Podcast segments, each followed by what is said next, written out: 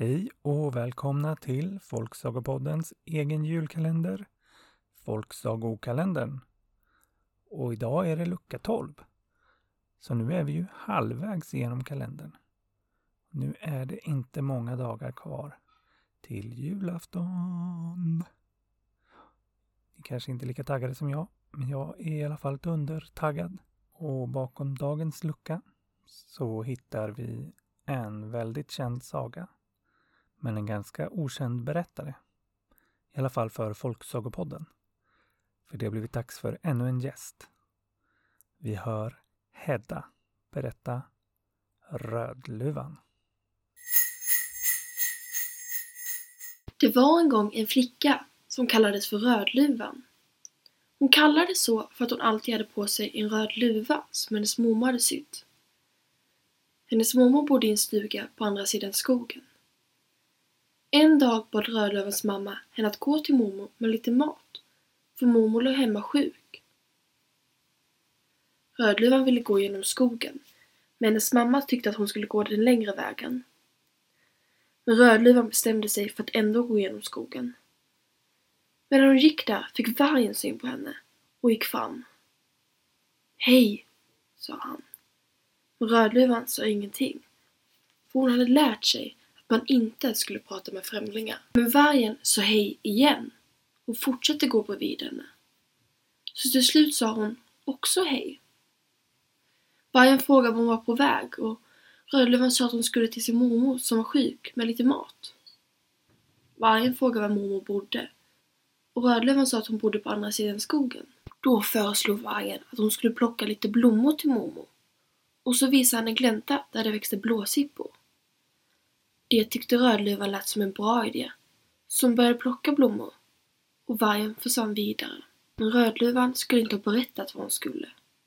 För vargen sprang raka vägen hem till mormor och åt upp henne. Sen tog hon mormors nattlinne och la sig i sängen för att vänta på Rödluvan. Snart hade Rödluvan en fin bukett och så fortsatte hon gå. Så kom hon hem till mormors stuga och knackade på. Och inifrån ropade någon Kom in! Rödluvan tyckte rösten lät lite konstig men hon gick in ändå. Och där låg mormor i sin säng. Eller? Hon såg också lite konstig ut. Hej Rödluvan! Kom hit så jag får se på dig, sa mormor. Och Rödluvan gick lite närmre. Men stannade ändå en liten bit ifrån. Mormor, vilken konstig röst du har sa Rödluvan. Mormor svarade att det bara var för att hon var hes. Närmare så jag kan få ge dig en kram. Rödluvan gick lite närmare men då såg hon att mormor såg ännu konstigare ut. Mormor, vilka stora ögon du har fått! Men då sa mormor. Det är bara så jag ska kunna se dig bättre. Kom nu närmare nu till din mormor och Rödluvan gick lite närmre och sa Vilka stora öron du har fått! Men då sa mormor Det är bara så jag ska kunna höra dig bättre. Men kom nu så mormor får ge dig en kyss. Och Rödluvan gick närmre och fick se mormors stora tänder. Vilka stora tänder du har fått! Men då sa vargen som det var. Det är för att jag ska kunna äta upp dig! Och så svalde han Rödluvan i en enda tugga. Sen somnade han gott i mormors säng. Kort därefter kom en jägare gående. Han bodde nära och brukade se efter den sjuka mormon på vägen hem. När han kom in såg han direkt att något var fel. Det var inte en tant, utan en varg som låg där och sov.